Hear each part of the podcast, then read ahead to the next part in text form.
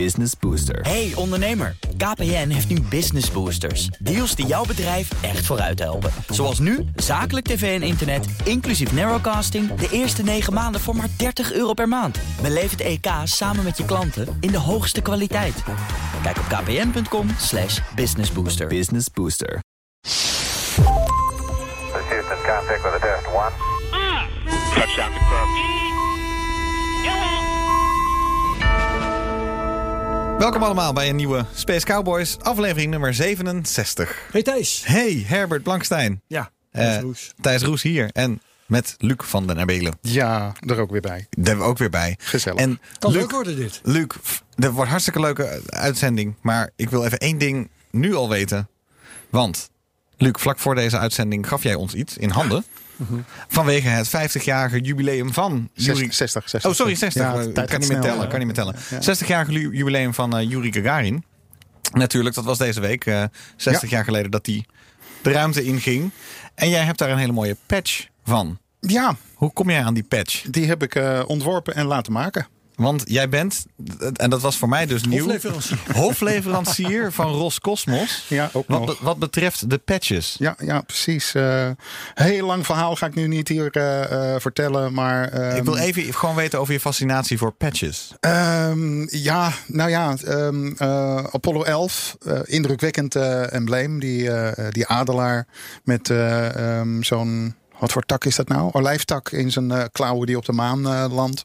Heel mooi eh, artistiek plaatje. Nou, de tijd dat ik echt ben opgegroeid, Space Shuttle. Nou, die vloog nogal vaak. Dus iedere keer was er een nieuw missie-embleem. en ik ben die dingen gaan, gaan sparen. Nou ja, aan de Amerikaanse kant is dat heel, heel eenvoudig. Aan de Russische kant een stukje ingewikkelder.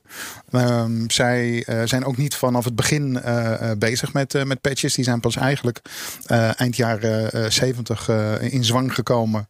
Toen de Sovjet-Unie met eh, een hele hoop Oostbloklanden samen bemenste vluchten ging, ging uitvoeren. Waren daar ook emblemen voor ontworpen. Emblemen die, dus, die ze op de pakken naaien of Ja. plakken. Of, eh, wat, Ja, hè? ja, precies. Het zijn eh, eh, voor elke. En dat, dit is eigenlijk iets wat, wat uit eh, ehm, eh, het leger komt, uit de militaire eh, Ja, ja, ja. hoek, eh, squadrons en dat soort eh, eh, Ja. dingen. Nou, aangezien de eerste eh, ruimtevaarders eh, eh, allemaal militaire mensen waren, hebben ze eigenlijk die traditie meegenomen. En ehm, uiteindelijk is de situatie ontstaan dat voor elke bemenste ruimtevlucht een patch werd, eh, werd ontworpen. Nou, eh, die ben ik als een gek gaan sparen. Eh, Russische exemplaar was verdraaid moeilijk om aan te, aan te komen. Want ja, eh, aan commercie werd nog helemaal niet, eh, niet gedacht eh, aan die kant.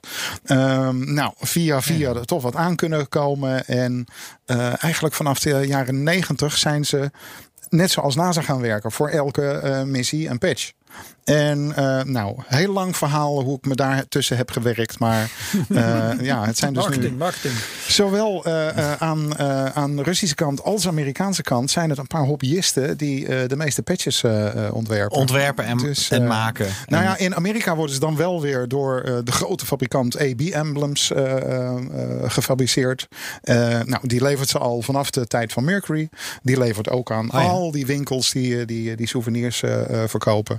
En in Rusland begint dat nu langzaam een beetje eh, los te komen. Dus eh, Want had je in Rusland dan wel die patches al voor elke missie? Altijd al? Of? Nee, nee, dat is inderdaad in de jaren negentig begonnen. En Jaren dan 90, eigenlijk ja. zelfs Na als... de, eh, na de, eh, hoe heet ik, het, de perestroika. Ja, nou, in, in, in, in die Ja. tijd is het inderdaad begonnen. Toen eh, eh, eigenlijk helemaal als initiatief van de cosmonauten zelf.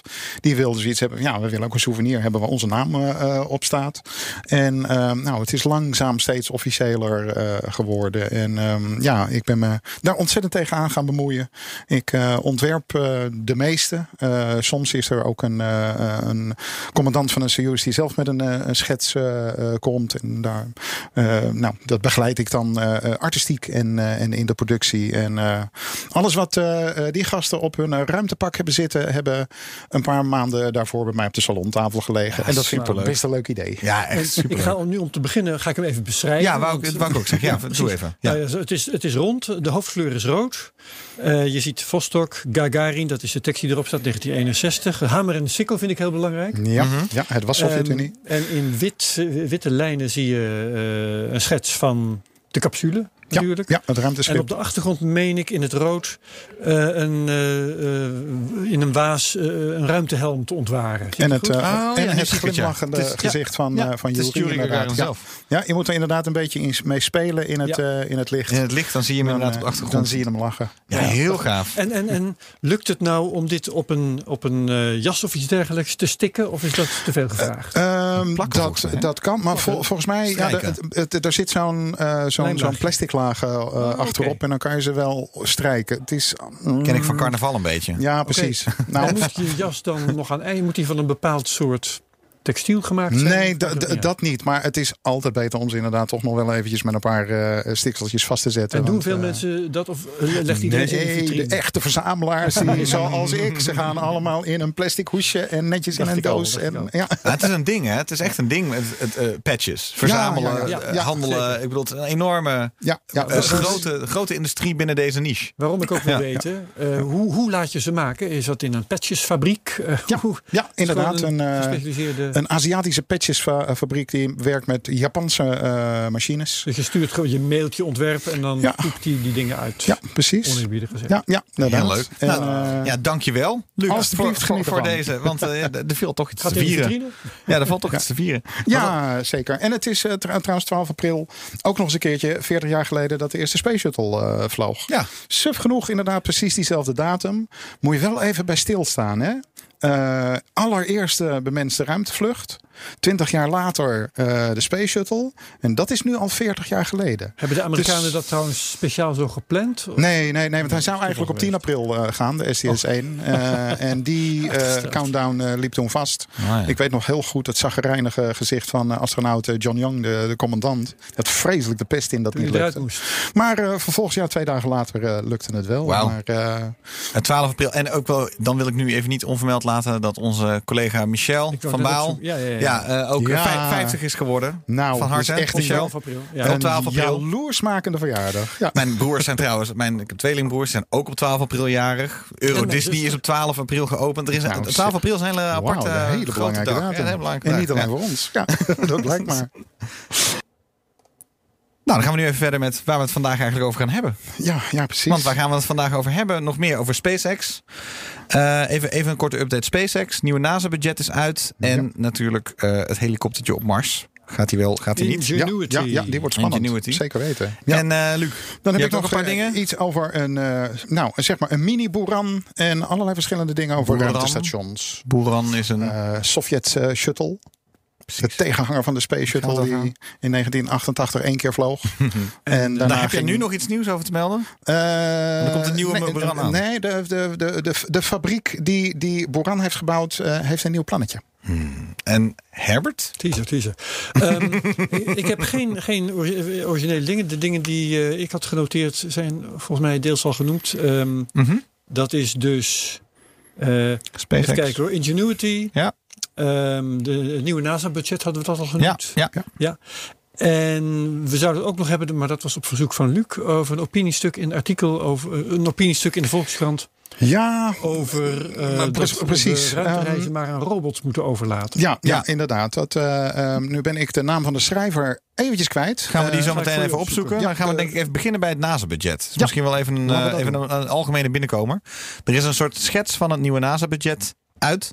Ehm, en eh, eh, even, even de absolute getallen die laat ik even allemaal achterwege. Want daar kan je lekker in vergaven. Het, het nou, komt neer ga ik wel noemen, maar eh, Nou ja, het, ja, het, komt neer op een verhoging van 5 tot 6 procent ten opzichte van vorig jaar. Nou, haal er even 2, 3 procent inflatie vanaf. Dan kom je op een verhoging van 2, 3 procent. Dat is leuk. Dus dat is al wel fijn met wat extra aandacht voor aardobservatie Zoals missies. verwacht. Ja. Ja. zoals verwacht. Dus dat is goed. Veel klimaatveranderingsachtige observaties die gedaan moeten worden. Ehm, maar eh, dus afgezien van, nou ja, goed nieuws, is er wel een, een, dingetje van, ja, er zou ook nog naar de maan gegaan worden met het Arte- Artemis-programma. Ja. En ehm, ja, als, als dat ooit nog van de grond moet komen, dan moet, moet er sowieso een nul achter dat percentage van hoeveel hoger het moet. Want Ja, moet, met, het moet een verdubbeling, eh, voor de komende zeven jaar moet er een verdubbeling zijn hè, van, van het huidige budget. En dat is er op dit moment nog helemaal niet. Het is nog niet helemaal in kannen en kruiken, dit eh, budget. Dus er komt over twee, drie maanden, als ik het goed begrepen heb, eh, het definitieve budget naar buiten. Maar dit was dan de eerste schets. Maar ja, het lijkt er nou niet op alsof er op dit moment keihard op wordt ingezet. Nu is het ook zo, we hebben de vorige uitzending gehad over dat er een nieuwe NASA Director aankomt. Die is nog niet geïnstalleerd. Bill Nelson. Bill Nelson. En Er kan dus nog het een en ander veranderen. Maar het is wel een beetje van, oké, dezelfde voet verder, klein een beetje meer. ik Nou, weet niet, dat- hebben jullie er nog een eh, goede... Het wordt lastig, want eh, NASA eh, zei een paar weken geleden nog dat ze eind deze maand zouden beslissen welke van de drie fabrieken die maanlandingsvoertuigen hebben voorgesteld, geselecteerd zouden worden om daadwerkelijk aan het verder ontwikkelen en bouwen eh, te gaan. Ja, het geld is er gewoon niet voor. Ja. Dus ehm, dat wordt een beetje dramatisch. Nou Ja. had de huidige regering in de Verenigde Staten ook niet de ambitie die eh, Trump wel had uitgesproken dat, eh, of beter gezegd Pence, dat die maanreis uiterlijk in 2024 moest plaatsvinden. Ja. 2024. Ja. Ja, 2024. Dat zou namelijk het laatste jaar zijn van de eventuele tweede ambtstermijn van Donald Trump. Dan kon hij daar nog goede sier mee maken. Ja. Dat was het idee. Ja, precies. Ehm, dat hebben wij hier altijd afgedaan als niet realistisch, onzin. Dus dat de huidige regering daar niet naar leeft, is volkomen logisch. ja, inderdaad. En eh, En een stijging van het budget reëel met een procent of 3, 4, Hmm. dat is ook eigenlijk helemaal niet verkeerd. Hoe kun je daarover klagen? Ja, Ja. Kom, je, kom je niet mee. Nee, precies. Dus, het is blij eigenlijk, dus eigenlijk is het hartstikke fijn. Nee, dus eigenlijk het, het was goed nieuws. In het klimaat in de Verenigde we dat Staten opnieuw. dat het altijd moeilijk is als het gaat om budget krijgen. Ja. Zeker voor en ruimtevaart. budget houden. Waarvan je natuurlijk niet altijd kunt zeggen dat het ehm eh, revenuen oplevert voor je staat en zo. Ja. Nou, als, het dan, als je dan toch die paar procent loskrijgt aan extra budget, mag je blij zijn. Ja, nee, dus dat is goed. Ja. Nee, het lijkt erop dat er nu weer gewoon wordt terug, nou ja, gewoon wordt teruggekeerd naar de, eh, de datum van de, van een maanlanding eh, van voor Trump 2028. Dat is nog steeds een hele 2028, opgave hoor. Ja, ja, ja, precies. En ik heb nog, nog even gekeken naar de bedragen, want jij zegt die noemen we niet. Maar Ja. het is 24,7 miljard, als ik het goed heb onthouden. Ja. Oh, dat, wauw, dat heb je goed onthouden dan. Ja, want zoiets is het was het Ja. inderdaad. Begin laag 20. Ja. En toen ben ik ook nog even gaan kijken. Nou, wat is dan ook weer het hele federale budget? Nou, dat is 3800 miljard. En dat 3,8 betekent, als je die even op elkaar deelt, dat je het hebt over twee derde van een procent van het landelijke budget dat naar ruimtevaart gaat. Twee derde van een procent. Dat is dus niet verschrikkelijk veel. Nee. En wel aardig vind ik de vergelijking dat in de tijden van de maanreizen kreeg NASA, en dat was echt krankzinnig, ook niet, niet eh, sustainable zoals ze dat noemen in, Hm. in de Engelstalig gebied. 5% van het federale budget ging naar NASA. Wauw. Ja, Wauw. maar alleen maar Dat omdat ze veel. tegen de Russen streden Ja, in de. PR-oorlog. Een, En, ja. eh, ja, En nu zag ik dus weer een, is er niet meer. ja, weer een opinieartikel in de, eh, in The Guardian. Wel, dat in, de NRC stond laatst een eh, soort gelijk artikel dat we hier behandeld hebben. eh, over hè, van waarom, waarom toch ruimtevaart en waarom niet de problemen hier op aarde oplossen. Maar als je dan dus naar die budgetten kijkt, ja, dan zie je dat het overgrote deel van al het geld gaat naar het probleem, oplossen van problemen op aarde. En een Ja. klein, minder dan een procent gaat naar kijken of je technologische ontwikkeling en persoonlijke ontwikkeling kan halen uit ruimtevaart. Ja, dus het ja, is, eh, precies. En ik ben niet van de leer die ehm, ESA hier in Europa wel aanhaakt. Van dat je gaat lopen rekenen en zeggen van nee, de ruimtevaart draagt zo en zoveel bij aan de economie. Hm. Dat vind ik, eh, eh, zal ik meteen vertellen waarom ik dat onzin vind. Dat is Ja. namelijk omdat als je hetzelfde geld op een andere manier zou besteden, zou je ook bijdragen aan de economie. Ja, ja. Eh, Dus Ja. dat, is, ehm, dat Ja. is heel relatief. En dan, kun, dan moet je dus gaan uitrekenen dat ruimtevaart, als je dat een dollar gestoken of een euro in ruimtevaart, dat die meer oplevert voor de economie dan iets anders. Ja, een groter Nou, vliegwiel waar je aan draait. al- Ja. allemaal, ja, dat is allemaal een stuk ingewikkelder om aan te tonen. Maar dat het eh, geen waanzinnige kostenpost is voor, is voor een samenleving. Nee. en dat precies. Is wat je om culturele redenen eh, al, Ja. al zou mogen doen. Ja, Inderdaad. Net als marketingbudget. ja, ja. theater financieren. Nou, ik noem maar wat. kijk, precies. kijk eens eh, in, inderdaad wat je eh, naast die postruimtevaart aan cultuur uitgeeft. Maar vooral wat je als staat aan defensie uitgeeft. En dan het eh, valt, het, vergelijken. valt het allemaal heel erg Ja. mee. Overigens las ik ook nog een stuk ehm, waarin werd verdedigd. kijk nou eens eventjes wat je als land, alle mensen samen, uitgeeft aan roken. Bijvoorbeeld Nou, roken. Ja, tabak. Ja, ja, van ja, precies, ja. met oud en zijn nieuw. wel- Ja. Heel wat andere dingen waar je het mee kunt vergelijken. En eh, dan Ja, valt precies. het En wat was het ook weer? Er werd vier keer zoveel uitgegeven aan eh, tabak. dan een Ik weet niet meer wat de factor was, Ja, maar zoiets, dat, ja, eh, ja, een ja. dergelijk getal was het inderdaad. Ja, Ja. het gaat alle twee de lucht in. Dat is dan wel weer de overeenkomst. ja. En dat eh, geeft vuur en rook. En, ja, precies. Ja, ja, ja. En spannende dingen. Dus Ja. nou, even afwachten. Dat is het. eh. Wie wel, eh, dat is misschien een mooi bruggetje naar eh, de, de nieuwe investeringen in, wat was het, China en Rusland had jij? Oh, ik wou hier vandaan eigenlijk naar Oh. dat eh, onderwerp. ehm, laat ruimtereizen maar aan robots over. Dan hebben we dat meteen ook nou, gehad. dan is Ja, uh, ja, prima. ja, precies, Ga maar. Ja, was een opiniestuk in eh, de Frank. Westerman heeft dat geschreven trouwens. Ja, precies. Hij is de schrijver van De Kosmische Comedie. Eh, een, een, een boek eh, waarin hij kijkt naar hoe, de, hoe de mens de ruimte is gaan beschouwen en gaan bevaren, letterlijk en eh, figuurlijk. Eh, en hij komt ook tot de conclusie van nou, laten we het maar lekker aan robots eh, eh, overmaken, overlaten. Want eh, waarom zouden wij andere planeten ook met onze aanwezigheid bezoedelen? Ja, En- dat, eh, een beter argument daarvoor vind ik trouwens dat je met robots meer bang voor je buck krijgt. Hè, omdat je niet al die mensen in leven Ja. hoeft te houden, kun je Ja, precies. veel Wetenschappelijk- meer wetenschap doen Ja. voor hetzelfde Inderdaad. geld. Je, kan, ja. en dat is natuurlijk best een centrale vraag in ruimtevaart, eh, be- eh, bemenste ruimtevaart, eh, vraag van gaat het daar om scientific return? Of gaat dat inderdaad om een gevoel? En gaat dat het verspreiden over... van de soort eventueel.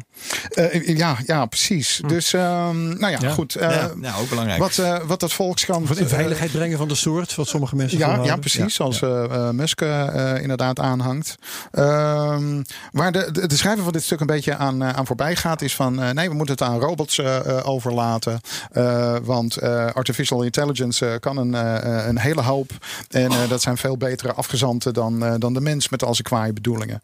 Ehm, ja, dan heb ik zoiets van. Maar ehm, als wij de robots scheppen naar ons evenbeeld, zullen die straks precies dezelfde fouten gaan, gaan maken. Tuurlijk. Dus je zou beter kunnen, kunnen hopen dat er inderdaad een soort robot ontstaat. die echt helemaal kan, zelf kan nadenken en beslissen en leren. Maar daar zijn dan toch ook wel weer andere mensen die daar een, een beetje benauwd bij kijken. Eh, mijzelf in, eh, in kluis. Hoe ver moet die robot weg? Ehm, ja, nou ja. Overal eh, heen. Mars mochten we volgens de schrijver eigenlijk ook al niet meer naartoe. Hmm. En nou ja, we hebben daar al robots die inderdaad verdraaid goed werk doen. En massa's aan, eh, ehm, aan wetenschappelijke data binnenhalen. Ja. Maar hetgene waar het grote, eh, de grote mensenmassa dan toch het meest enthousiast van wordt, is als we de live beelden van die landing eh, zien Ja. en de foto's en straks hopelijk een vliegend helikoptertje, wat dan ook die lander weer gaat bekijken en dat soort eh, Ja. dingen. Dus Awesome. Ehm, het, Ik ben menselijke avontuur daarachter is volgens mij een veel grotere drijfveer dan, dan heel sec alleen maar een, een wetenschappelijke achtergrond. Hmm. Ja, ik denk wel dat ze, Ja, voor allebei valt gewoon iets te zeggen. Hè? Nou ja, Dus het het is, ook, soms, soms, soms heb je gewoon een gevoel van: oké, dan kan er één menselijke missie ergens heen om als daar aandacht voor te vragen. En dan in het kielzog allerlei robotjes om, eh, om het onderzoek te doen. Of Nou andersom. ik bedoel, je hoeft niet, niet alles hoeft bemenst. Maar Nee, Het- oh, zeker niet. Kijk, wel zo, dus ja. Natuurlijk zijn er dingen die je veel beter door een robot kan, eh, eh, kan laten doen. Ja. Inderdaad, als het gaat om puur wetenschappelijke eh, data te verzamelen en op plekken te, te gaan kijken waar je als mens beter helemaal niet kan, kan zijn vanwege temperatuur of straling of Ja. iets, iets dergelijks.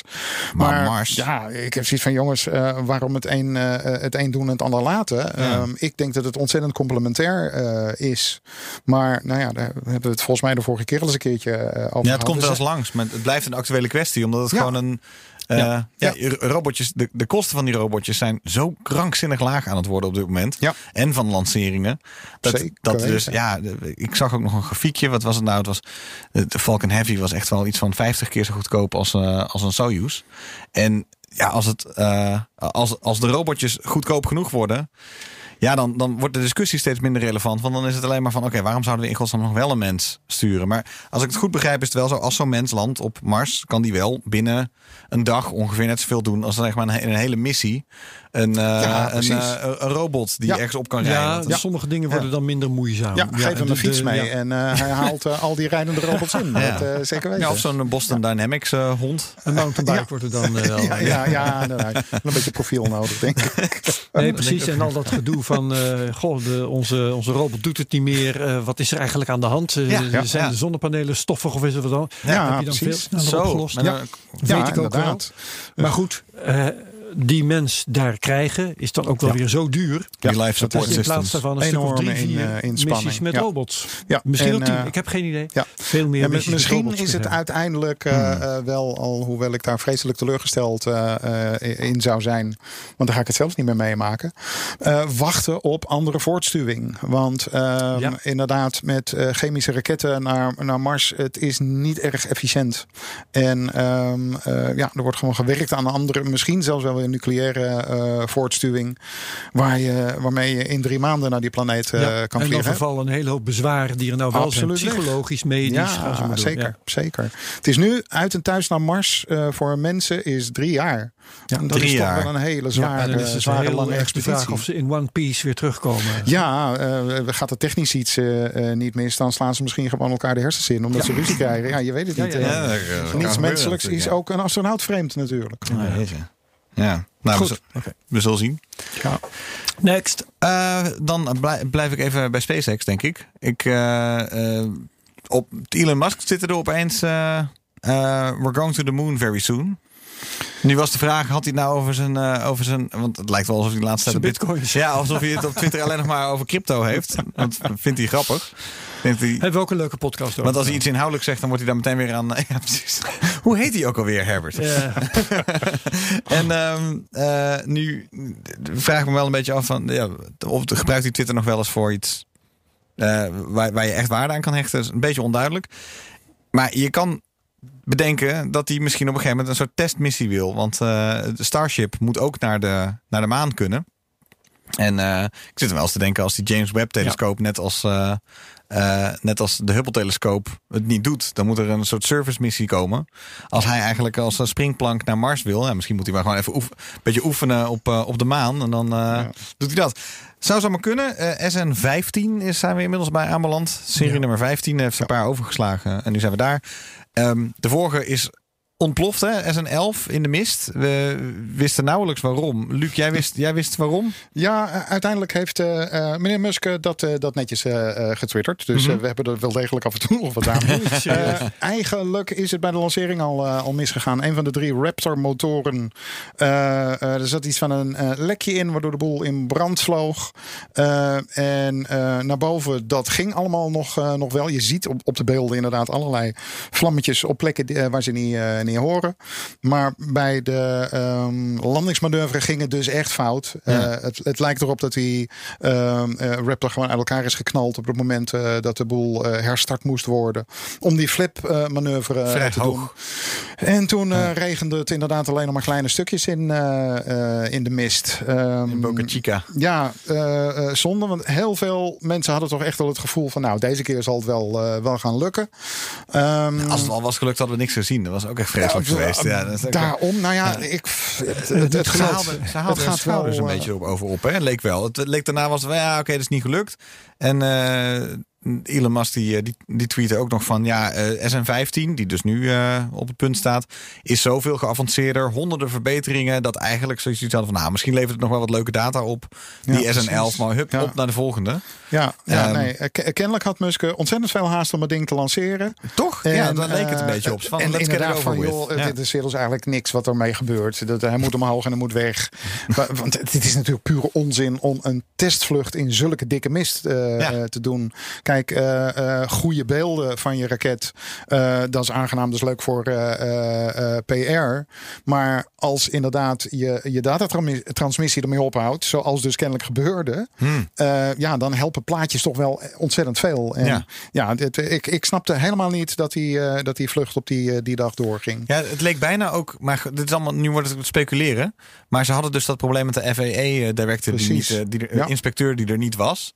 En het had een, hoog, een hoogs van, kijk, dit gebeurt er als je te laat komt. Ja. Eh, eh, Ja, eh, inderdaad. Gevoel. Van, nou, we, lanceren hem, oké, beter, boom, kijk, niemand kan het zien, weg PR. Ja, dit this is what you get. Op naar de volgende. ja. En Dat, hij, hij kon dan weer verder met, met zijn werk of zo bij, bij zijn andere bedrijven. Zoiets was het. ja, ja precies. Maar nu is het, even, ik zit even te kijken naar wanneer die nou gelanceerd zou kunnen worden. Maar over, over twee dagen, dus dat is op vrijdag staan er nog wat tests gepland. Ik denk niet dat hij dan nog vliegt, want hij moet waarschijnlijk eerst een nou static de- fire de, de doen. motoren zitten er nog niet Nee, dus onder. Ze hebben, Voor wie dat hoort, dit hoort, ik zou zeggen mid eind april, dan eh houdt in de gaten en dan kan Ja. je en dan kan je het wel vinden. En dan staan er alweer een paar volgende klaar. En het is leuk nog maar even te hebben over de nieuwe booster. Want hè, Starship is eigenlijk alleen maar de, ko- de kop. Er komen verschillende soorten Starships. Eentje voor cargo, eentje voor Ja. Mars, eentje voor de maan. Eentje voor bijtanken ook nog en zo. Hè? Ja, ja, en daaronder precies. komt dan een enorme booster om hem in een baan te brengen. Ehm, maar nu eh teest Elon Musk al een tijdje dat er een soort toren moet komen om dat ding op te vangen. Ja, Eh, om eh, het, een ehm, plekje te geven. Ja, eh, eh, Musk schijnt niet zo'n fan te zijn van eh, eh, pootjes die moeten uitklappen eh, waarop je dan kan, eh, kan landen. Oh. Eh, dat is natuurlijk in het begin bij eh, eh, Falcon 9 Ja, wel die- eens fout gegaan. Oh. Eh, dat één pootje niet uitklapte voor de landing. Of dat er eentje, ja, of Ja. eentje na de landing eh, niet, eh, niet helemaal stevig eh, was. Eh, nou, we zagen het natuurlijk ook met eh, eh, eh, SN nummer 11. Die wel landde, maar niet alle pootjes waren uitgeklapt. Dus Hmm. hij wil kennelijk voor een deel van de missies dat helemaal omzeilen door eh, een, een, een wel heel futuristisch idee. Eh, de lanceertoren waarop straks eh, eh, Super Heavy en Starship op elkaar gestapeld van moet vertrekken moet het ding opvangen bij de landing. Zodat je geen pootjes nodig hebt. En eh, dan zouden er dus iets van armen met handen of iets dergelijks. Die een beetje mee kunnen veren. Grijpers of zo? Het, eh, eh, het ding bij de, de, de grid fins. Die dan helemaal bovenaan eh, zitten. Zou die dat moeten opvangen? Waar tegenin is gebracht trouwens, dat eh, als je dan naar de maan gaat of naar een Precies, andere planeet, ja. dat Heb je je dat niet hebt. nodig? En dat Nee, je tot Maar die pootjes- booster heb je dan ja. niet nodig. Eh, Alleen op Mars. Eh, Dus dan moet je op. Mars zo'n toren bouwen. Ja, nou ja, de verhalen gaan, gaan nu in, in- inderdaad ook eh, van... eh, ja, gaan ze het misschien voor Starship ook gewoon eh, gebruiken, die vangtechniek. je moet Eh, me eerst, eerst even zien. Ik had toch gewoon... Ja, was dus was al bijna het, geland. het, is, het is een beetje, een beetje vaag. ehm, ehm, Grotere pootjes. Ja, misschien moet je op een gegeven moment te grote, te zware poten hebben om dat hele ding te kunnen opvangen. Dat zou natuurlijk kunnen. En dat je Ja. dan te veel weight mee moet nemen om te veel constructie moet meenemen om. eh, Ja, maar om ja, ik, ik, ik zie het niet gebeuren dat bij de allereerste testvlucht eh, het al wordt aangedurfd om eh, eigenlijk dus op je lanceerplatform te landen. Ja, Want als daar iets fout gaat ja. en de boel knalt uit elkaar, heb je ook geen lanceerplatform meer. En dan heb je weer een nieuw, nieuw probleem. Wordt trouwens wel een heel indrukwekkend ding hoor. Toren Ja. van 146 meter hoog. En het zal er ongetwijfeld weer heel futuristisch gaan, gaan uitzien. als ja, je- het gaan enorm uitbreiden. Starbase. Ja, duizenden dat- mensen nodig. Dat wordt zo'n twee, keer- dorp. wordt zo twee keer zo groot. En ehm, ja. Het blijft, eh, het blijft spannend. Eh, ehm, het, ga- het gaat nog steeds in een, in een gille tempo natuurlijk. Als je, als je ziet waar we twee Ja. jaar geleden eh, waren. En Ja. hoe snel de ontwikkeling is, is gegaan.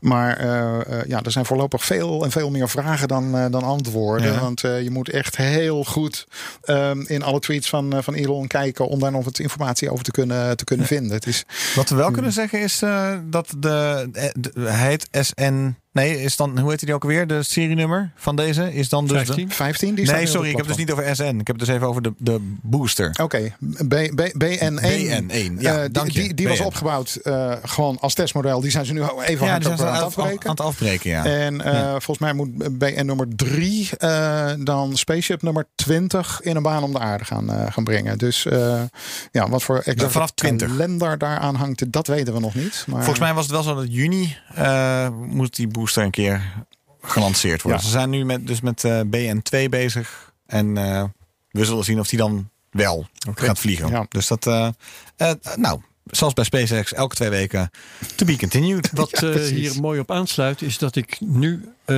live video feed heb van Blue Origin. Oh, Ah. En nu is 14 april kwart over vijf in de middag, onze tijd. ja. Wat is daar bij Blue Origin de grote concurrent aan de hand? Daar wordt eh, vandaag iets gelanceerd en waarschijnlijk niet meer eh, tijdens deze opname. Oké. Maar wel heel kort daarna. Luc, Ja. ik denk, denk dat jij het beste kunt vertellen wat daar precies klaar staat. Ja, dit wordt de vijftiende eh, missie van eh, New Shepard. Ehm, NS15 heet die. Ja, ja, ja. ja Om het even makkelijk te maken. Alles- alles- Nee. NS15. Alles, ze om elkaar te pesten. alles is 15 eh, vandaag inderdaad. Ja. Ja. nou ja, het is eh, capsule die uiteindelijk astronauten naar de ruimte moet gaan brengen. Oh, en update. Ah. Eh, daarnet was de tijdaanduiding nog een beetje vaag. Ja. Maar nu staat er gewoon T is minus 44 minuten en 50 seconden. Oké, goed zo. Nou, dat Dus als betekent... we dit nog drie eh, kwartier eh, volhouden... Precies. zien Nou, kijken wat we allemaal kunnen vertellen in, eh, Ja. in de tussentijd. Nee, deze deze herbruikbare raket en herbruikbare eh, capsule, diverse exemplaren daarvan, hebben al, eh, al 14 keer gevlogen. Ehm, maar ze werken er naartoe om binnenkort ehm, inderdaad mensen mee te gaan eh, eh, nemen. Voornamelijk toerisme. Eh capsule is uitgerust met eh, enorme ramen. Dus je hebt een fantastisch eh, uitzicht. Je wordt inderdaad door de raket tot om en nabij 100 kilometer hoog. Eh, raket koppelt af en landt weer netjes. En de capsule schiet nog een eentje omhoog. En komt vervolgens weer terug in de aardatmosfeer. En, en landt aan een paar grote parachutes. vlucht. En wat het de vlucht van vandaag bijzonder maakt, is dat het de generale repetitie is voor het meenemen van astronauten. Ehm, vlak voor de lancering eh, zullen inderdaad wat eh, mensen aan boord gaan. Op dit moment volgt een drone een SUV die over het lanceerterrein rijdt. Kijk aan. Luister even mee. Even kijken wat ze Dus- zeggen. Ja. Blijkbaar worden daar eh, mensen afgeleverd zo Ja, direct. ja, precies. Dus eh, ze gaan het aan boord gaan eh, eh, trainen. eh, om die procedure een beetje goed eh. Die stappen inderdaad hopelijk op tijd weer, weer uit. En het grappige is dan, ja, het is bijna gewoon een, een filmscenario van hoe kan ik het een en ander eh, faken. Maar als de capsule straks weer eh, geland is, gaan eh, diezelfde nepastronauten weer aan boord om vervolgens het uitstappen eh, eh, te oefenen. Ja, als je het dan goed monteert, dan is het net of ze Ja. Nou, daadwerkelijk hebben dan gevlogen. gaat Maar, iedereen weer roepen, zie je wel, die astronauten waren dus toch ook niet op de maan in Nee, precies. 1969. Inderdaad, het is Capricorn One all over. En, Ja. eh, eh, nee, nou, er zit in ieder geval nog wel één mannequin aan, eh, aan boord... die eh, eh, eh, een beetje vergeleken kan Oh, leuk. worden met het menselijk En die lichaam. heeft ook een naam waarschijnlijk. Ik wilde even, Ehm, ik wilde even meeluisteren, maar jullie hebben je audio. koptelefoon niet op. Dat is namelijk best leuk om te zien. Nou, hoewel. So Sarah, as you saw there, she's going to be our Capcom for the day. She will be in the ear of our uh, of het our astronauts. We volgen de SUV in een heel erg goed gedraaid helikoptershot. Ja, maar gewoon een of helikopter. Het is ook te goed shot dit allemaal. Voor mijn drone. Blue Origin maakt echt fantastische filmpjes, to Nou, eh, dat, moet ik wel zeggen. Want ik, ik, kijk, Ongelooflijk. Ik zit even door de, ehm, in the, in the backdrop there you would have Prachtig. uh, Door even door de hele webcast heen te kijken. En die is van een production value van heb ik jou daar. Dus hebben we duidelijk naar... eh, Bij de, bij de vorige lancering eh, hing er gewoon een, een drone op iets van 300, 400 meter. En die, Ja, eh, dit is bekeek- echt goed gedraaid, de hoor. Dit is gewoon een bovenaf. En die draaide helemaal mee. En je ziet dus echt de raket langs je vliegen. Fantastisch Wow. Ja, gedaan. ja, ja. En ze hebben binnen een kwartier na de vlucht een heel gelikt filmpje wat, eh, wat direct beschikbaar is. En hier Dus, is ook over nagedacht hè, met die drone. Oh, Ja, dit moet een drone zijn, eh Thijs. Dat kan niet anders. Zoals die manoeuvreert. Maar in ieder geval rijdt die vliegt achter die SUV aan, zodat je Um, de, het lanceerplatform op de achtergrond ziet. Intussen there are is het maar actually dat think hadden we that net. Nee, there's going to prachtig, be hè? so much ja, dat zijn wel sfeerplaatjes. En eh, nou ja, eh, ik, de mijn, mijn, geval, mijn, eh. mijn, mijn, mijn geld staat... Mijn geld... Ook al vliegt hij zo laag... Mijn geld staat, geld staat nog steeds op een helikopter. Hij gaat zo snel. Nou, we gaan- en die camera, die camera, we kijken dit, dit, dit beeld van, een een niet SUV. Dit is het beste shot van een SUV dat ik in tijd heb gezien. Maar Nou ging, zag je trouwens, er was een crossfade van het ene standpunt naar het andere standpunt. Allebei in de lucht. Allebei in de lucht. Ja, Ja, er zit, er zit, er zit wel een, een teampje eh, er achter. zit wel een team. Now, Nou, volgens mij zijn we wel is- bezig in, intussen de luisteraar ontzettend te vervelen met ons. nou ja, Nee, we zitten, ik denk dat we op dit moment. Ja, kijk, het- kijk het terug naar. Kijk het terug op YouTube. Maar ik moet wel zeggen dat. dat ik, ik heb die vorige webcast volgens mij van Blue Origin niet gezien. Maar eh, het is, ze proberen er inderdaad echt een totale belevenis van te maken. maar inderdaad, Luc heeft gelijk. Als we dit even laten rusten, dan kunnen we over, eh, nou ja, eh, aan het eind van onze opname Ja, nog even even kijken, checken, checken we, checken we even in. En als we over echt interessante dingen kunnen praten, dan kunnen Nou, we... ik weet nog wel. Oké, over, helikop- over helikopters gesproken. Nou, Hey, topbruggetje. hey, over helikopters gesproken. Eh, Zij is onze bruggenbouwer. Precies, precies, Ingenuity op Mars. Ik denk, de ganse wereld stond, zat voor de buis gekluisterd om te wachten tot hij de lucht in zou gaan. En toen was er een softwareprobleem. Ehm helikoptertje bij Perseverance. Hè, het is eigenlijk een secundaire missie. Een, eh, een, een, een, een missie die moet bewijzen dat je kan vliegen op Mars, waar de lucht ijl is. En daarom moeilijker is om te vliegen. Ehm, hij stond klaar om drie meter, vier meter de lucht even omhoog te gaan. En vervolgens weer omlaag te gaan.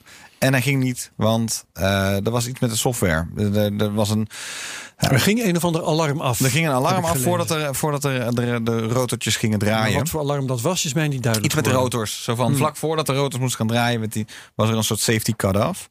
En ehm, eh, toen is hij niet omhoog gegaan. Ze zijn nu de software aan het updaten. Firmware update van die helikopter. En volgens mij, onze, nu is het woensdag, volgens mij voor morgen, donderdag, is er een nieuwe poging. Maar even, even, ze hebben een maand of zo volgens mij hiervoor uitgetrokken. Ja. Dus het, eh, het, het kan even duren. Hij gaat eerst één keer omhoog, omlaag met beelden die hij draait. Dan gaat hij keer heen en weer vliegen. En dan het zijn er ongeveer vijf vluchten moet hij gaan maken. Die steeds iets moeilijker en spectaculairder hopelijk zijn. En dan, eh, dan weten we of we kunnen helikopteren op, eh, op Mars. en dat is sowieso heel leuk. Ja, dit is volgens mij ook een, een soort techniek. Er was een idee voor een helikopter op Titan. Las ik ook. Dus daar is dit dan ook een soort bewijs voor. Dus er moet eigenlijk door de atmosfeer van Titan gevlogen gaan worden. Dus aan de hand Ik, ik ben in hiervan. gedachten al Oeh. over ja, eh, een, paar jaar verder. Mhm. Ik moet namelijk denken aan hoe eh, sommige van die Marsrobotjes met jaren hun eh, geplande levensduur hebben overtroffen. Klopt ja. En wat zou het leuk zijn als zo'n helikoptertje inderdaad Hm. dag na dag, week na week, maand na maand vluchten kan maken. Heeft hij oplaadbare batterijen? Het is wel een zonnepaneeltje eh, in ieder geval. Maar ik, Heeft hij een zonnepaneeltje? Ja, er zit een heel klein zonnepaneeltje boven de rotors eh, nog. Maar daar ligt al veel stof op, hebben we, hebben we kunnen zien eh, Ah, ja? op de eerste Oh. foto's. Maar ik, ik, ja, ik, wel ik denk dat de, batterijen eh, gewoon niet zo En ontzettend die eh, astronaut sterk zou zijn. daar gewoon even een sponsje overheen gaan. precies. Vandaar inderdaad gewoon een, een, een stoffer en blik van, van 2,95 bij de blokker. en eh, het probleem is weg. Je moet alleen wel eh, het mannetje of vrouwtje ter plaatse hebben. Dat is het, eh, Ja. het nadeel. Maar dus dat was het hele kleine bruggetje naar een heel klein helikoptertje op een verre planeet. En ik denk, we wachten gewoon af. Ja, maar hou want- het, ik wil het voornamelijk in de gaten, onze luisteraars eh, op het hart drukken om het in de gaten te houden. Want het is, Perseverance is te gek. Ook de beelden die constant uitkomen, zei ik vorige keer ook al van, er blijven net mooie beelden uitkomen. Hoe is de planning nu van Ingenuity? Want eh, oorspronkelijk zou die vandaag, woensdag 14 april, Ja, nu zag ik alsnog Don- weer gaan vliegen. Maar dat is nou ook weer uitgesteld Ja, volgens ja. mij. Ja, Het was eigenlijk 11, eh, 11 april. Ja. En nou, d- doen wat verwarrende eh, berichten eronder. Er wordt gezegd van ja, eh, de, de software moet eigenlijk nog worden geschreven. Dan moet die worden gecontroleerd. Dan moet die worden geüpload.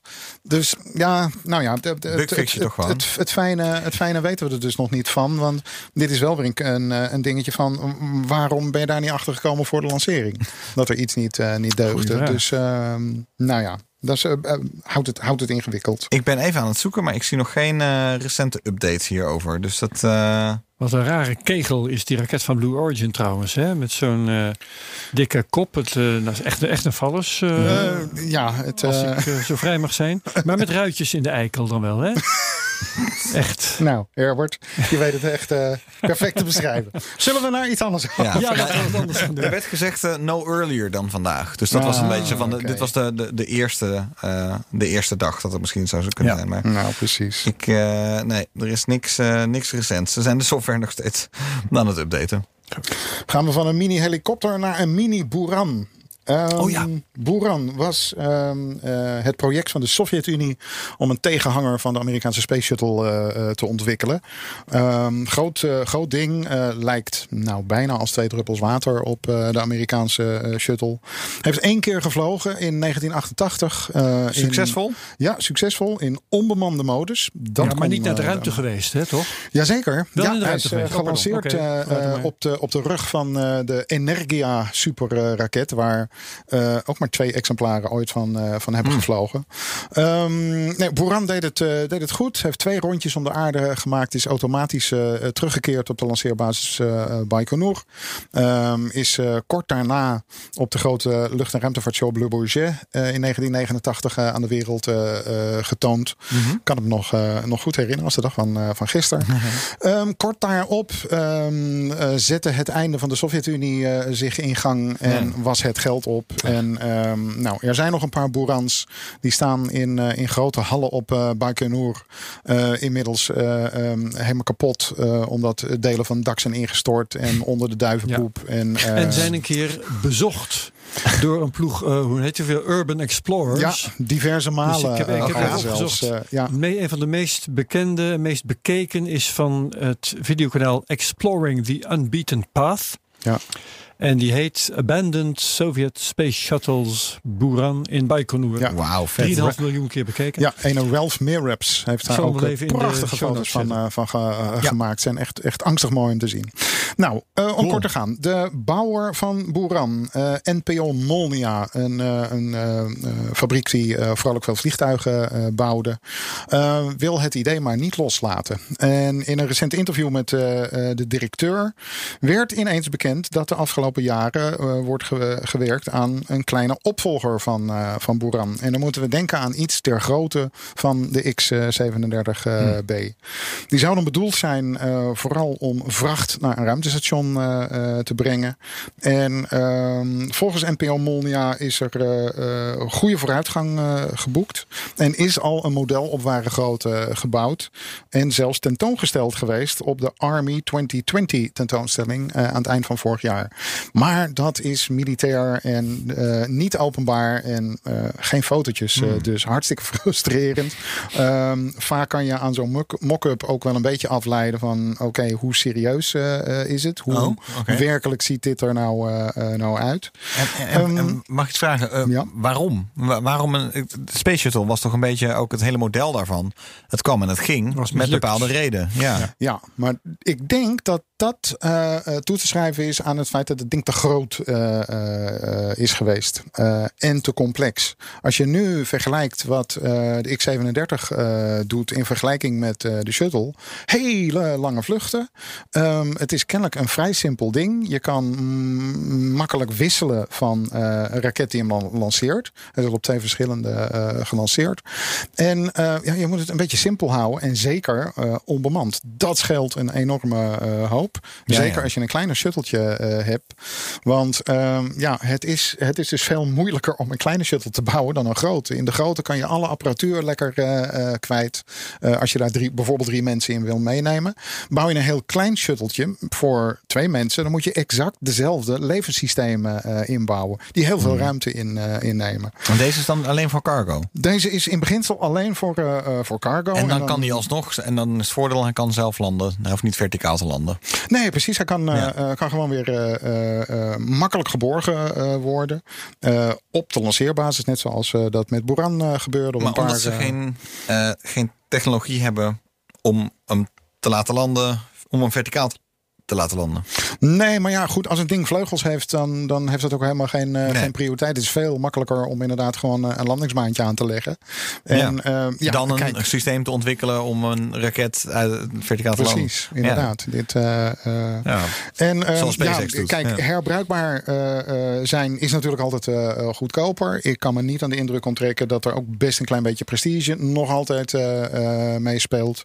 De Sovjets en later de Russen vonden het natuurlijk niet leuk dat ze Buran hebben moeten, moeten opgeven. Want het was best, eh, best ook een grote prestatie. Vraag blijft alleen wel een beetje. ehm, ja, het kan vracht afleveren bij een ruimtestation, maar welk ruimtestation gaat dat dan worden? Eh, kijk, als ze nu een model eh, hebben gebouwd, betekent dat echt niet dat over twee jaar het, het echte ding vliegt, vliegt, laat staan operationeel is.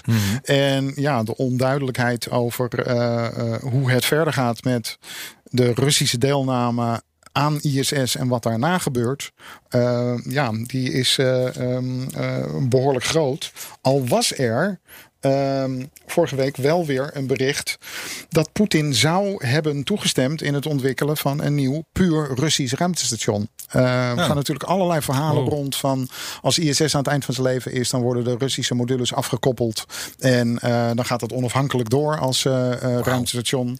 Ehm, nou ja, tussen haakjes. ehm, er eh, is al een hele tijd een lek aan boord van eh, het Russische deel van het station. Dat is er nog steeds. En ze hebben al van alles geprobeerd eh, met stofjes in de ruimte te, te laten. Volgens het luik dicht te doen en kijken waar die stofjes naartoe drijven om het lek te vinden. Het lek is nog steeds niet boven water. Nog steeds niet. We moeten dan natuurlijk Dat wel... ene lek dat nu al een paar maanden Ja, aan de maar hand is. het is niet één lek. Er, Oh. er lijken dus meerdere wat langere scheurtjes in het metaal te zitten. En eh, ze, kunnen, eh, ze, ze kunnen het niet eh ehm, eventjes dichtplakken. Het schip is aan het zinken. Nou ja, denk je even in. Het basisblok van het Russische deel van het ruimtestation was eigenlijk Mir 2.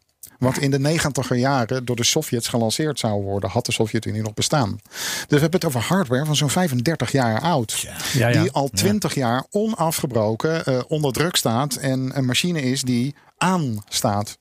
Ehm, dus er zijn diverse mensen die zeggen van eh, ja, ISS is nog steeds geweldig en we willen wel door tot 2028.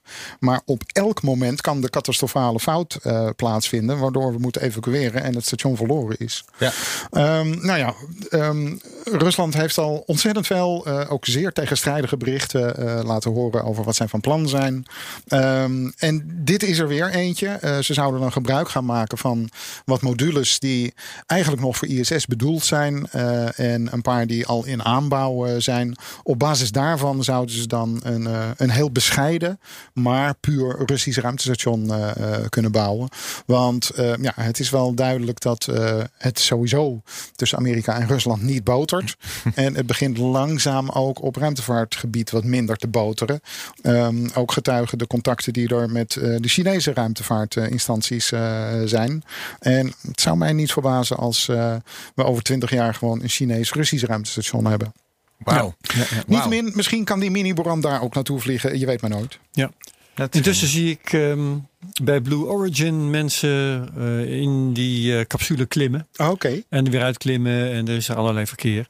Dus het is eh, begon op zo'n beetje T minus 32 minuten. En het is nu T minus 28,5. En eh, het gaat daar vrolijk door. Dus maar als het goed is, moeten ze binnen een half uur repetitie. het Ja. luchtruim kiezen. Interessant. Leuk Wat hadden we nog meer? Ja. De, volgens mij had Luc nog één, eh, nog één dingetje. Eh, ik heb één, één themaatje nog. eh, maar dat zijn eigenlijk drie verschillende verhaaltjes over, eh, over ruimtestations. Ja, nee, en ik Ehm, probeer er nog steeds achter te komen of James Webb nou al op een boot zit of niet. Ik zie, het enige wat ik nu zie is dat dus James Webb telescoop nog niet genoemd hè, nu, alleen voor de uitzending. Ja, Ja, James James, Webb. Telescoop moet rond Halloween, eh, dus 30 oktober, de lucht in. Ehm, en is zich aan het klaarmaken voor een, eh, een, een bootrit ehm, naar Kourou. Want hij is gemaakt in, ehm, in, de de Verenigde, in Engeland, geloof ik. Hè? Klopt dat? Waar, waar komt hij vandaan? eh, Of was het toch Verenigde nee, Staten? Nee, Staten. heeft hem eh, gebouwd eh, eh, volgens mij. Dat is wel in Amerika eh, Oké, geweest. pardon. Dan zal hij hier zijn voorbereid op de lancering. Ja, mijn hemel, dat ding is al drie keer de wereld rond geweest voordat hij überhaupt eh, de ruimte ingaat. instrument in Nederland ook, hè? Ja, Ehm, en dit is wel een ding waar ik mijn hartje vasthoud als, als die straks eenmaal on orbit is. Het is zo'n stukje origami. En er moet zo ontzettend veel uitklappen. En het bestaat Het uit doen. allerlei Oh. dunne laagjes. Groot ding, jongen. Niet ja, normaal. hij is ook nog enorm. Dus ehm, waar, waar we het net over... Veel eh, single points of hij zit failure, in- ja. Eh, bij Northrop Gr- Grumman in Redondo Beach in Californië. gezien. Oké, ja, en dan moet, hij moet, wordt dus helemaal opgeklapt. En zodat hij beschermd op een boot geladen kan worden. Zodat hij vanaf daar naar Frans-Guyana eh, moet. Gaat hij dan via het Panama-kanaal of zo. Ehm, Wie weet. vraag me af. En eh, dat, dus het, het, het opvouwen van het zonneschild is nu in ieder geval goed gegaan.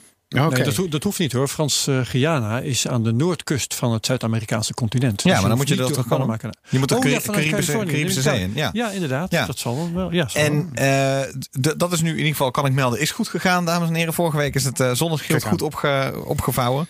Maar hij moet dus die ontzettend boot op. En dat, dat is echt een ding van 8 miljard. dat is gewoon zo'n zo'n gruwel. Ze waren ook bang dat die gegijzeld zou worden, als ik me goed Oh, herinner. ook wel Ja, dat, er- dat er dan dus onderweg piraten op zouden, Ja. op zouden duiken. hij gaat, dwars, hij gaat dwars in een kanaal liggen of zo. Je weet. Het is ook helemaal in de mode Dat zou, tegenwoordig. zou, Ja. zou zomaar kunnen, ja. Ehm, eh, nee, dus het, so far so good. Maar ik vraag me dus inderdaad gewoon af of die... Het feit dat ze hem dus nu helemaal aan het inpakken zijn... Hij moet dus dadelijk in de ruimte weer helemaal worden uitgepakt. Ja. Ja, nou, Ik, ik kan nog even, Herbert, er is een prachtige animatie eh, uitgekomen van Ja. de eh, baan waarin die nou precies, want dat Lagrange point Oh, waar die ja. komt, hè, dat is een beetje een raar punt. Ja. Dat is een plek van, raar, van bijna geen zwaartekracht, waarbij de maan en de zon en de aarde elkaar allemaal in evenwicht houden op Ja, dat punt. zoiets. Ja. En daar gaat hij dan een soort van vreemde cirkeltjes in draaien met een groot zonnescherm naar de zon toegekeerd. Mhm. Zodat hij dus geen enkele zonnestraal binnenkrijgt. Waardoor hij dus heel koud wordt en dan eh, Mm. diep de tijd in kan kijken. Nog verder dan, eh, dan wat dan ook. Ehm, en dus hangt hij altijd als het ware een beetje op zijn kant richting de zon. Zo. Dus hij had van de zon afgekeerd. Maar dat enorme zonnescherm. Ja, dat past niet in die Ariane 5. eh, eh, dus, Nee, dus hij wordt helemaal op een perfecte manier zo helemaal, helemaal zo opgevouwen. Ja, nu. en met, met opgevouwen schermen hebben we eh, allerlei toestanden meegemaakt in, eh, in, in, in de ruimte. Zeker. Zonnepanelen die eh, inderdaad als een harmonica in elkaar waren eh, geschoven. En vervolgens een beetje aan elkaar leken te plakken en dat soort dingen. Dus Het is, daarom, het is allemaal zo gecompliceerd. Dat nou, Ja. als je het doet, ik... ja, dan hebben we wel een geweldig instrument eh, te Geweldig. pakken. Dat is Eindelijk zeker waar. nieuwe ja. eh, desktop-achtergronden. ja, beslist. Want dat is toch wat waar die 9 miljard voor bedoeld is. Dat is ja, inderdaad. mooie kleuren. Ja, Nee, dus ook daar even een korte James Webb. eh, hij hij doet het nog. Ja. ja. Goed zo. Nou goed, dan een klein rondje eh, ruimtestations nog. Ehm, NASA kwam kort geleden met een oproep aan commerciële instanties om eh, commerciële ruimtestations te gaan ontwikkelen. Daar hebben ze zo'n eh, 400 miljoen dollar voor eh, beschikbaar eh, gesteld. Ehm, Commerciële ruimtestations. ja, eh, NASA zegt van eigenlijk, eigenlijk volgen we een heel eh, erg logisch eh, pad. Hmm. Vroeger had NASA raketten, ruimteschepen en ruimtestations. Raketten die betrekken we al commercieel. Daar zijn we vorig jaar ook met bemenste ruimteschepen mee begonnen. Dus het is eigenlijk ook heel erg logisch om het volgende ruimtestation niet meer te hebben, maar ervoor te betalen, te huren, Ja, iets dergelijks. Dus eh, ruimtestation BV zorgt dan dat er een ruimtestation hangt. Ja, En inderdaad. dat gaat dan verder gewoon En vervolgens, eh, eh, boekt, een tarief eh, heffen voor ja, het gebruik daarvan. Voor het gebruik daarvan, vervolgens Overnachtingen, boekt, boekt NASA een, een, een Dragon om er astronauten naartoe te brengen. En ehm, haalt dus wel resultaten binnen zonder daar het, eh, ja. zeg maar het rentmeesterschap en ik over begrijp dat er dus ook inderdaad bedrijven zijn die zeggen... nou weet je wat, dat gaan wij doen. Zeker. Ehm, nou ja, goed. De, de grote bekende jongens zijn uitgenodigd voor die, die briefing. En Sierra Nevada Corporation, die we kennen van de plannen voor de Dream Chaser, het kleine ruimtevliegtuigje, ehm, die heeft eh, heel snel gereageerd. Die heeft, heeft op eh, 31 maart al een, eh, ehm, een presentatie eh, gedaan. En nou, een paar dingen die daaraan opvallen. En, en een ontwerp al ja, zelfs hebben een ontwerp met Die eh, geen een aantal groeien. ja, een aantal opblaasbare modules. Ehm, dat is namelijk een eh, ontzettend eh, slimme manier om eh, een hele hoop Om iets vo- uit te vouwen. ja, volume naar boven te, Maar is het te krijgen. springkasteelachtig? eh Ehm, nee, eigenlijk kan je het daar wel mee meer vergelijken. Ja. Er zit al een heel klein testmodelletje aan het ruimtestation vast, al een paar jaar. Eh, dat is wel een heel bescheiden ding. Dat is iets van 3 bij 2 eh, eh, meter. Gebouwd door een ander, eh, Bigelow Aerospace, die helaas de corona-crisis niet heeft, heeft overleefd. Oh. Uh, ja, het was zo makkelijk geweest dat ze die technologie hadden kunnen gebruiken. Maar kennelijk is uh, Sierra Nevada Corporation al een heel eind op weg. Um, zij hebben inderdaad ook weer een leuke afkorting voor uh, zo'n opblaas um, habitat verzonnen. LIFE gaat die heten. En dat staat dan voor Large Inflatable Fabric Environment. Dus ja, een, een opblaaslaboratorium. Nou, een, een, paar van die dingen um, aan elkaar gekoppeld met nog wat, wat andere permanentere structuren uh, zou het ruimtestation moeten, moeten vormen. En, dat maakt het net weer wat interessanter, het geheel zou uh, zowel vracht als mensen moeten aanvoeren met die Dream Chaser. Um, Dream Chaser is al een heel oud project. Uh, destijds begonnen als een van de alternatieven voor NASA om commercieel astronauten naar het ruimtestation te brengen. Um, dat is toen niet gelukt. Ze hebben wel een contract binnengesleept om vracht naar het station te gaan vervoeren mm-hmm. met dat in een onbemenste uh, uh, uitvoering. Dat zou eind volgend jaar voor het eerst moeten gaan uh, gebeuren. Maar ze hebben dus gewoon de plannen voor, die, voor dat bemande shutteltje weer van stal gehaald. Om hun eigen ruimtestation te bevoorraden en van bemensing te voorzien. Hmm. Dus ja, daarmee hebben ze natuurlijk wel een compleet eh, eh, pakketje. En ze kunnen alle zorgen uit, eh, uit handen nemen van, eh, van NASA. En ehm, ja, het afwachten is nu van oké, ehm, de aanbieders eh, zijn er. Ehm, maar wie gaan de gebruikers worden? Want ik moet ontzettend terugdenken aan, eh, aan de jaren tachtig.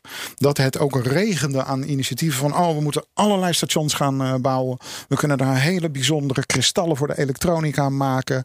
eh, hyperzuivere eh, medicaties. We kunnen Juist, allerlei ja. onderzoeken Ja. doen. Er moeten diverse commerciële stations komen.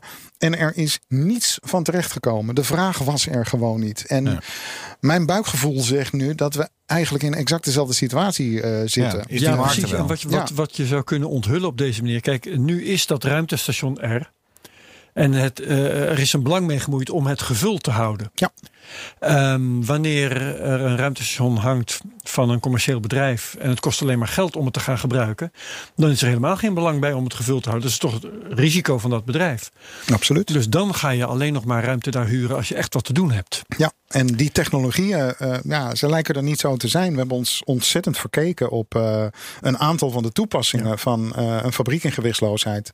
Want uiteindelijk voor kristalgroei bleek het dus vele malen goedkoper te zijn om het gewoon op aarde ja, te en de doen. boel een beetje schoon te houden, clean rooms Ja, en eh, Hmm. inderdaad, je hebt wel de kosten van een bemensbaar station. Dus er moeten weer Ja. leversystemen in zitten. En dan zit je weer. Ja, en dat neemt ruimte in. duur, Maakt het ontzettend duur. Ja. Het moet verschrikkelijk veilig eh, eh, zijn.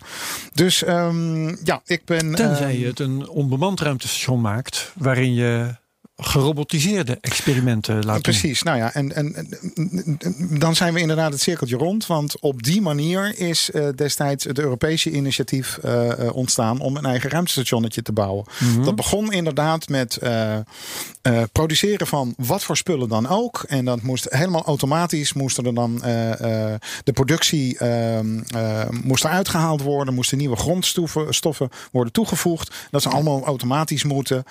Nou, dan gaat een, een ruimtevaartagentschap te- daar zich mee bemoeien. En die zegt van ja, maar het zou toch veel handiger zijn als astronauten eh, die uitruil eh, kunnen doen. En vervolgens zit je weer met een groot bemand eh, eh, systeem. Nou, eh, dit is de geschiedenis van Hermes Columbus, eh, wat eh, in de, in de Ja, jaren ja, ja, 80 hartstikke fout is gegaan in, eh, in Europa. En vergelijkbare initiatieven in Amerika die het niet hebben, hebben gehaald. Ehm, nou, ik ehm, eh, ben persoonlijk een ontzettend fan van alles wat de ruimte ingaat met vleugeltjes. Dus ik zie Dream Chaser heel graag vliegen. Maar ja, het recept daarachter, ik geloof er nog niet zo ontzettend in. Ehm, eigenlijk is eh, International Space Station ook al een paar jaar beschikbaar voor commerciële partijen om ruimte te huren. NASA ging er zelfs eh, zover in om op een gegeven moment te zeggen van ja, als wij ermee ophouden, eh, wie wil het overkopen en het gaan voortzetten.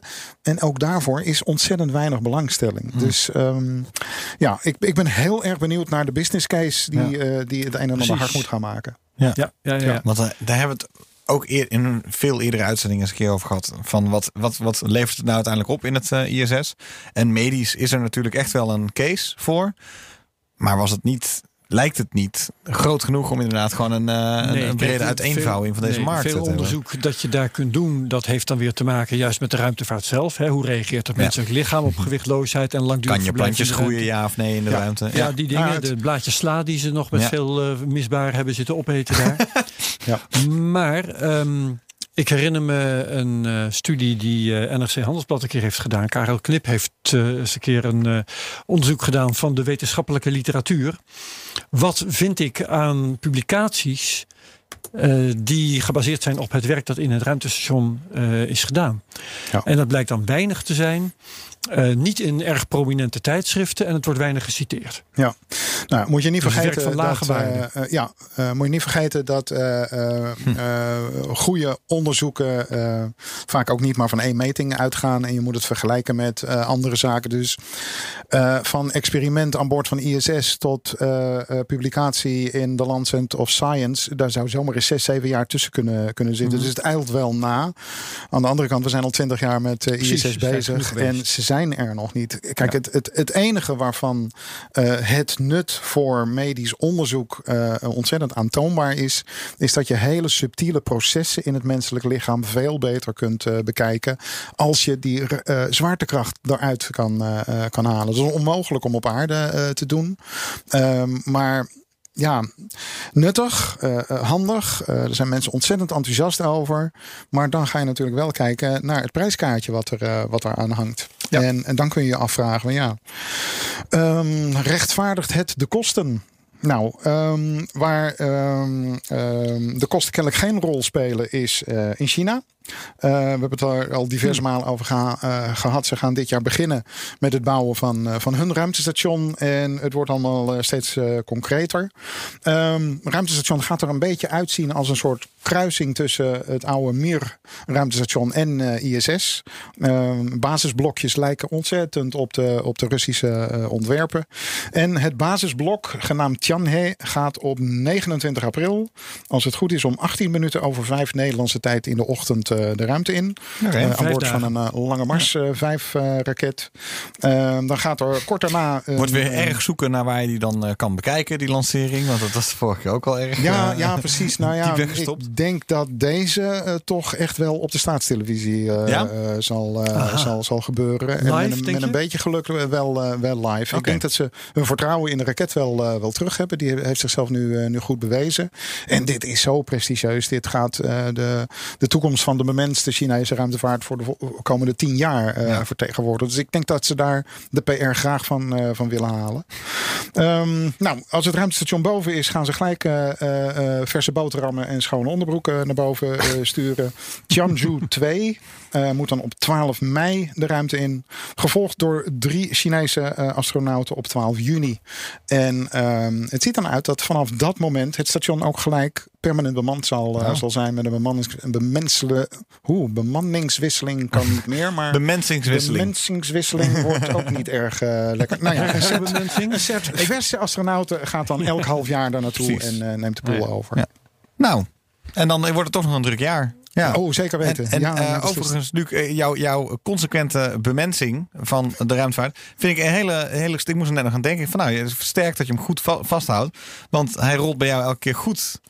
Van je tong. Maar inderdaad, de, daarnet zei ik pas de eerste keer in eh, vijf eh, afleveringen dat, je, dat hij niet eh, goed van je tong rolt. Ja, Maar nee, nee, nee heel precies. goed. Ik, Want ik dacht eigenlijk dat we een jaar geleden hebben nog eens een keer een discussie gehad over ja, dat. Hoe, hoe, zeg je het, hoe zeg je nou bemanning als het over mensen gaat? Ja, en de niet alleen maar over mannen. de Fransen hebben het zo, zo, zo makkelijk. Die hebben het over uh, een vaisseau habité. Een bewoond eh, ruimtevaartuig. Dus die, Ja, hebben- die hebben die, bewoning. die hele discussie niet. Ja, ik heb ontzettend vrouwen. op het donder gekregen van een paar mensen op eh, Twitter... toen ik eh, mijn boek over Hermes eh, eh, uitbracht. Mhm. Ehm, eh, European Dream of Manned Spaceflight. Nou, dat werd me zeer kwalijk eh eh, Ah, bij jou is er in een vroeg stadium Maar ja. uitgeslagen. Ja, Dat is- precies. Ja. Het staat alleen nog steeds wel op de cover. Dus dat, eh Ach. ja, dat oh, achtervolgt. Tijd voor en een nieuwe druk. Ja, Tijd voor een nieuwe ik druk. Eh, Ik denk eh, dat we alles. is- Ja. We zijn overal door, doorheen. nog We even een update. Ja, hoor, dat kan hoor, jongens. Eh, daar heb ik de deur van de capsule eh, gesloten zien worden.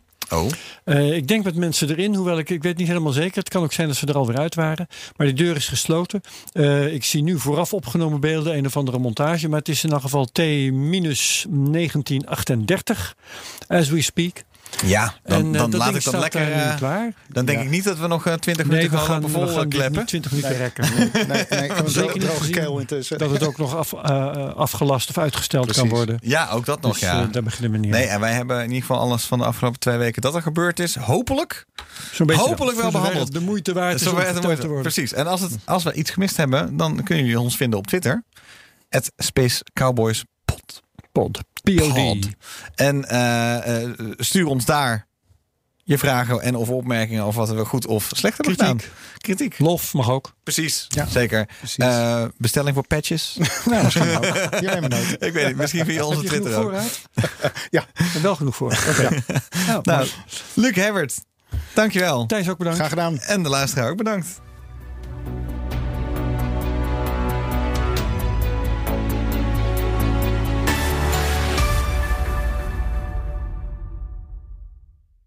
Nieuw 10 is ook duidelijk voor pizzabakkers.